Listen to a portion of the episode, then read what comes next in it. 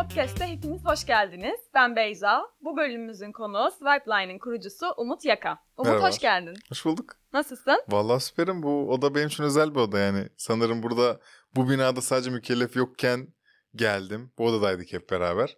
Sonra bu binayı fethetmiş mükellef. 70-80 insan çalışıyor toplamda.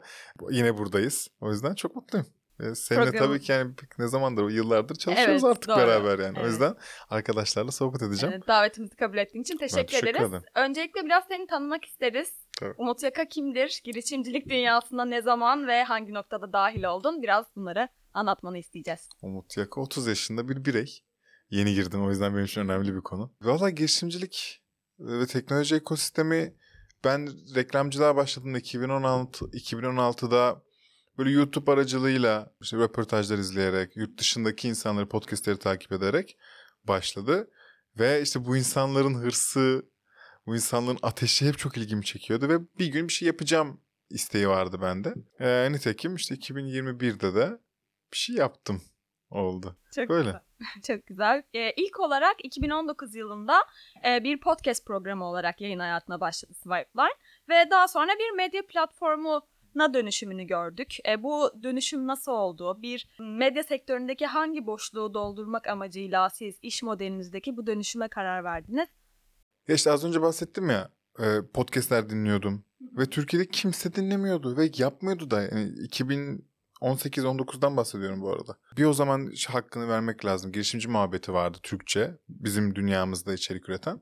Başka da kimse yoktu ve 2019'da e, hadi bir podcast yapalım e, diye işte her hafta bir girişimci konuk alarak burada Collective House'un ee, bu küçük telefon kulübelerinde gizli gizli girerek yani buradan da yine kolektif ağzı selam mı yollayayım artık ne yapayım ve bayağı haksız cebren ve hileyle girip kullandığımız bir podcast sürecine başladık. Ve bu iki yıl boyunca sürdü ve çok iyi gitti. Ee, bir bilinirlik sağlamaya başladık. Hakikaten çok iyi bir kitle vardı. Ee, fayda sağlamaya da başladık ve ben her zaman bunu bir medya şirketine evirmeyi, daha büyük, daha kollu bacaklı bir şey hale getirmeyi çok istiyordum. Çünkü em, teknoloji yayıncılığı olarak baktığımızda hakikaten çok eski ve değerli yayınlar var, e, platformlar var. Em, fakat dijital dünya çok hızlı gelişiyor ve bazıları ayak uyduramayabiliyor. Özellikle dijital içerik tarafında ve dağıtım stratejisi tarafında. 15 saniye kuralı dediğim bir strateji yazdım. En basit haliyle herhangi bir kimse herhangi bir mecradan bizim içeriğimizle karşılaştığında maksimum 15 saniyede o bilgiyi alsın ve cebine koysun bu kadar. Ve bunun en uygun mecrasının Instagram olacağına karar verdik. Ve 2021 Eylül'de e, podcast'ten e, bir medya şirketine evrildik. Ve işte şimdi de 2 sene oldu tam. Ayda 5 milyon insana ulaşan, e, 13-15 milyon içerik gösterimi elde eden e, valla bir medya şirketi.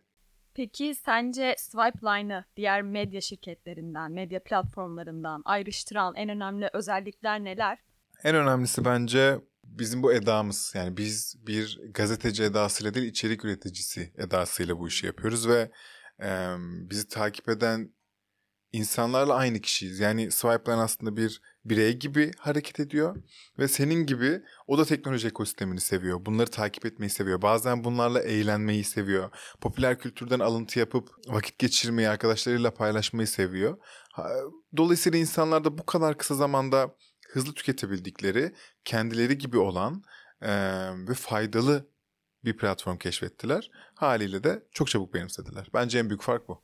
Kesinlikle. Peki e, siz en başta aslında hedef kitlenizi nasıl belirlediniz? Ve bu hedef kitleyi aslında belirledikten sonra bu kitleyi elinizde tutmak ve aynı zamanda katılımcı bir topluluk oluşturarak büyümek için hangi stratejileri uyguladınız? Çok iyi soru. Topluluk tarafına ikinci iki part olarak cevaplayacağım. Topluluğa ikincisine değineceğim. Şimdi ilk başta 26-27 yaşında e, reklamcı bir insan o kadar da düşünmüyor benim hedef kitlem kim falan diyor. Oradaki tek is- istek ya ben de podcast yapacağım. Türkiye'de Türkçe bir şey yapmak istiyorum.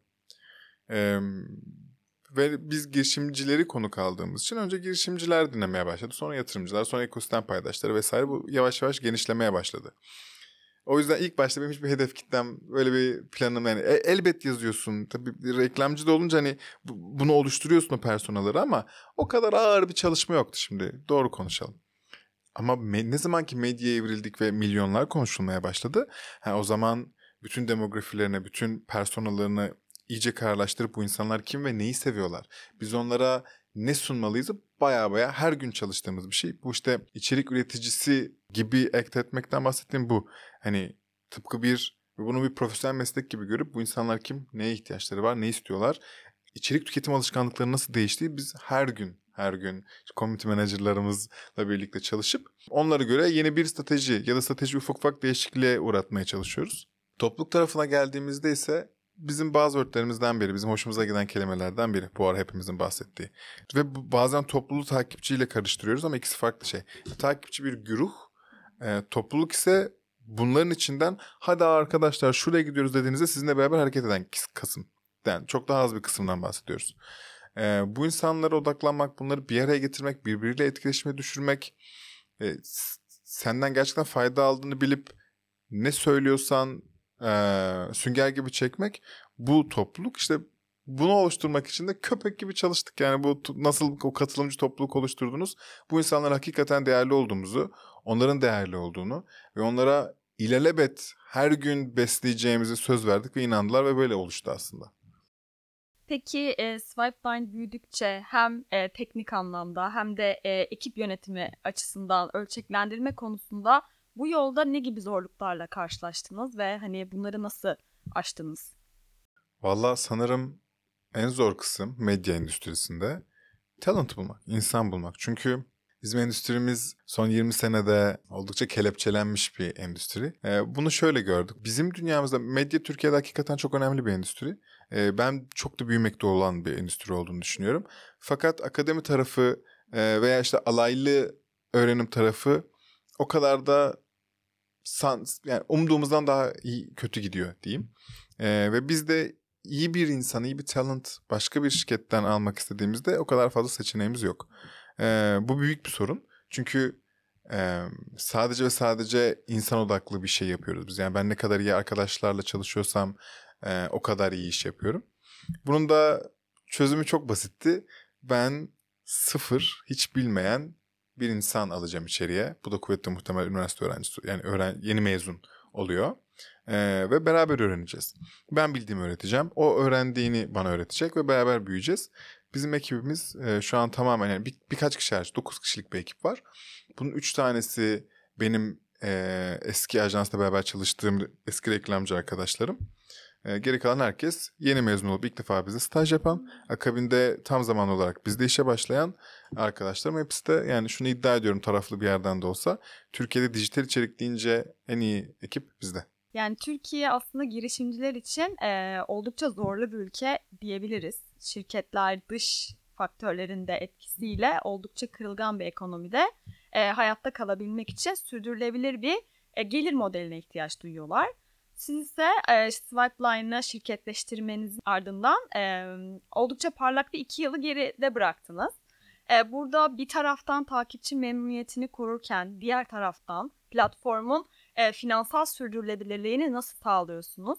Bize biraz gelir modelinizden ve bu dengeden bahsedebilir seve misiniz? Seve seve. Öncelikle maşallah diyorum ve şu masaya vuruyorum. Ya biz içi, içerik işbirliğinden para kazanıyoruz e, markalarla birlikte.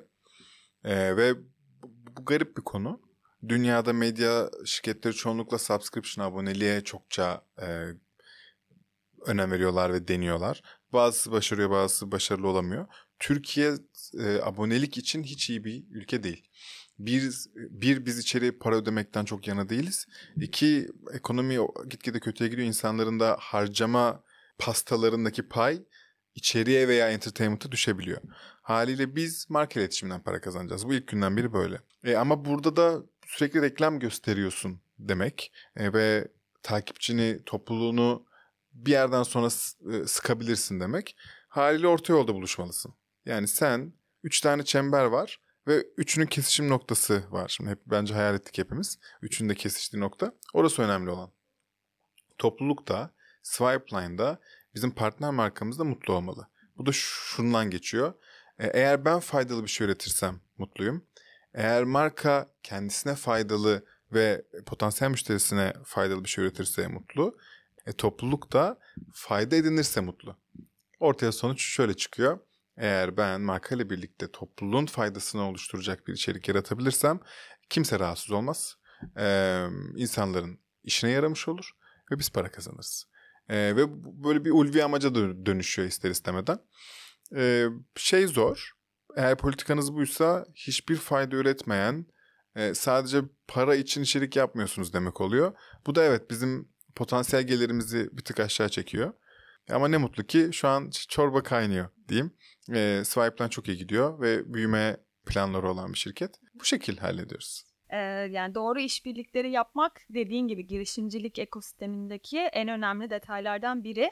Söz konusu e, medya sektörü olunca bu detayın önemi de daha da artıyor. Peki siz bahsettiğin gibi marka işbirlikleri yaparken aslında partnerleri de seçerken hangi kriterlere dikkat ediyorsunuz? Yani süper fazla kriterimiz yok. Bence onu söylemek önemli. Gerçekten bizim toplumumuza mı seslenmek istiyor? Önce bir ona bakıyoruz. Yani demografi aynı mı? Ee, eğer öyleyse gerçekten faydalı bir şey sunabilecek miyiz?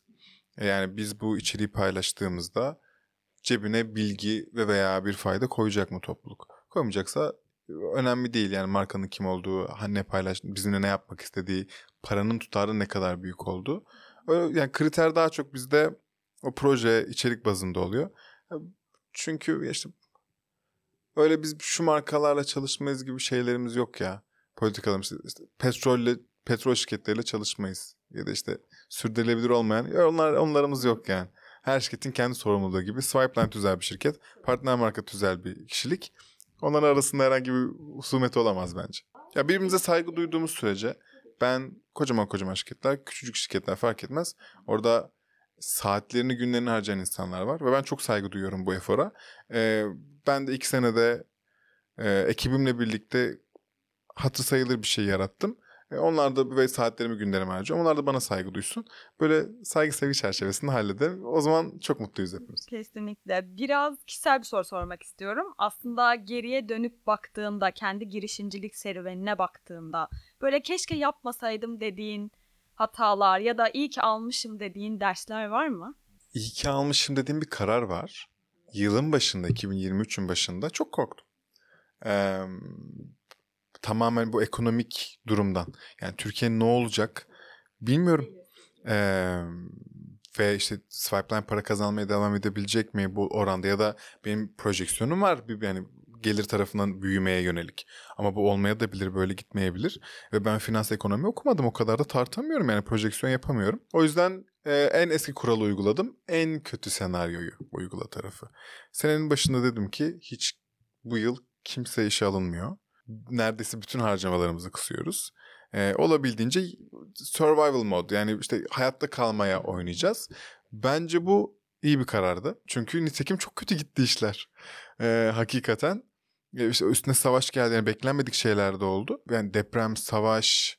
Ya hakikaten baya kötü bir sene geçirdik. Yani burada eğer girişimci arkadaşlarım dinliyorsa bir şöyle şey yapsınlar kendilerine ulan geçmiş olsun oh be iyi atlattık falan desin. Çünkü berbat bir sene geçirdik arkadaşlar ve hepimiz hala yaşıyorsak bir takdir hak ediyoruz gibi geliyor. Ve bayağı mutluyum o kararı aldım ya. Ve işte satış hiç fena gitmedi. Yine öyle nazar değmesin deyip vurayım buraya. E ama bizi işte bazı pozitifliklere geçirdi. O da hoşumuza gitti.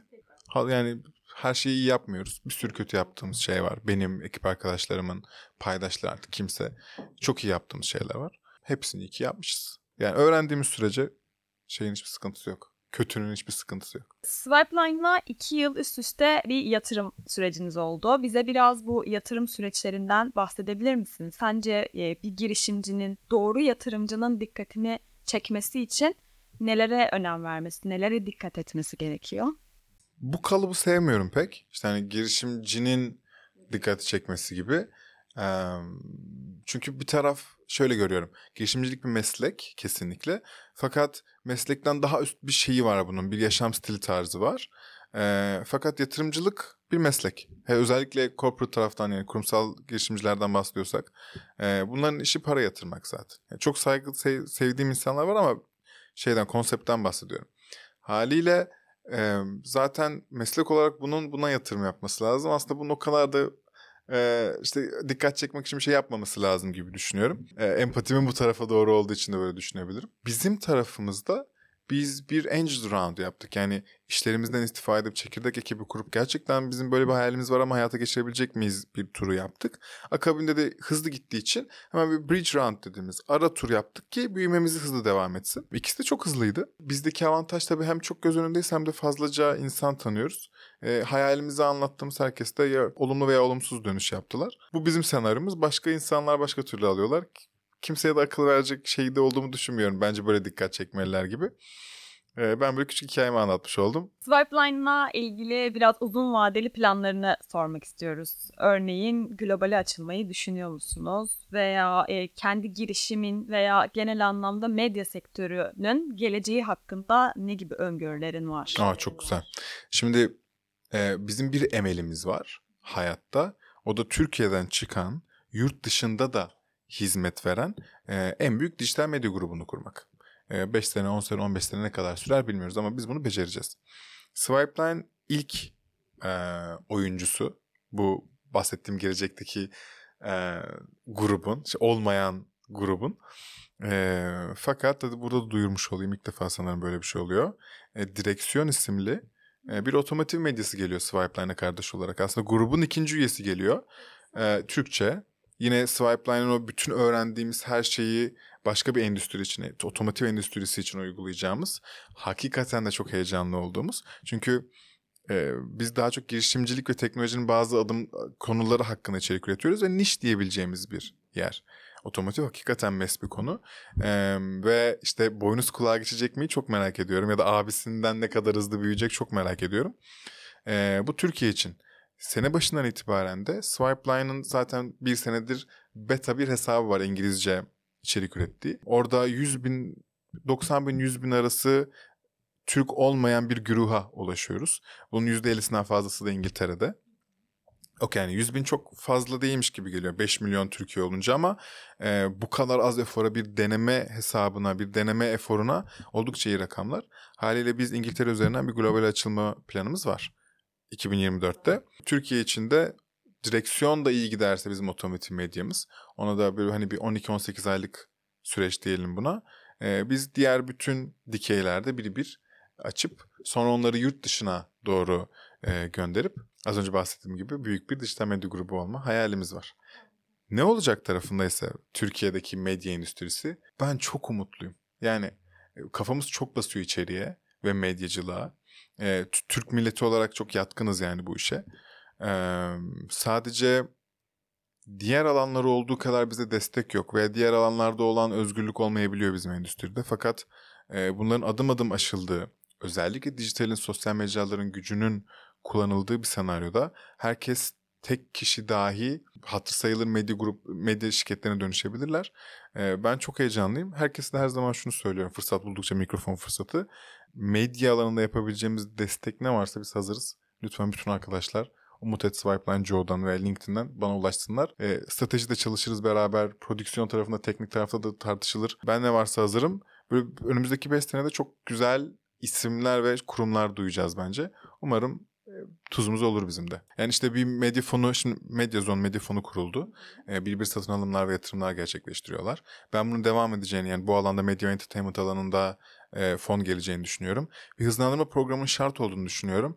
E, belki biz bu konuda kolları sıvarız. Böyle bir hızlandırma programı küçük bir şey verilen destek ve ödül verdiğimiz.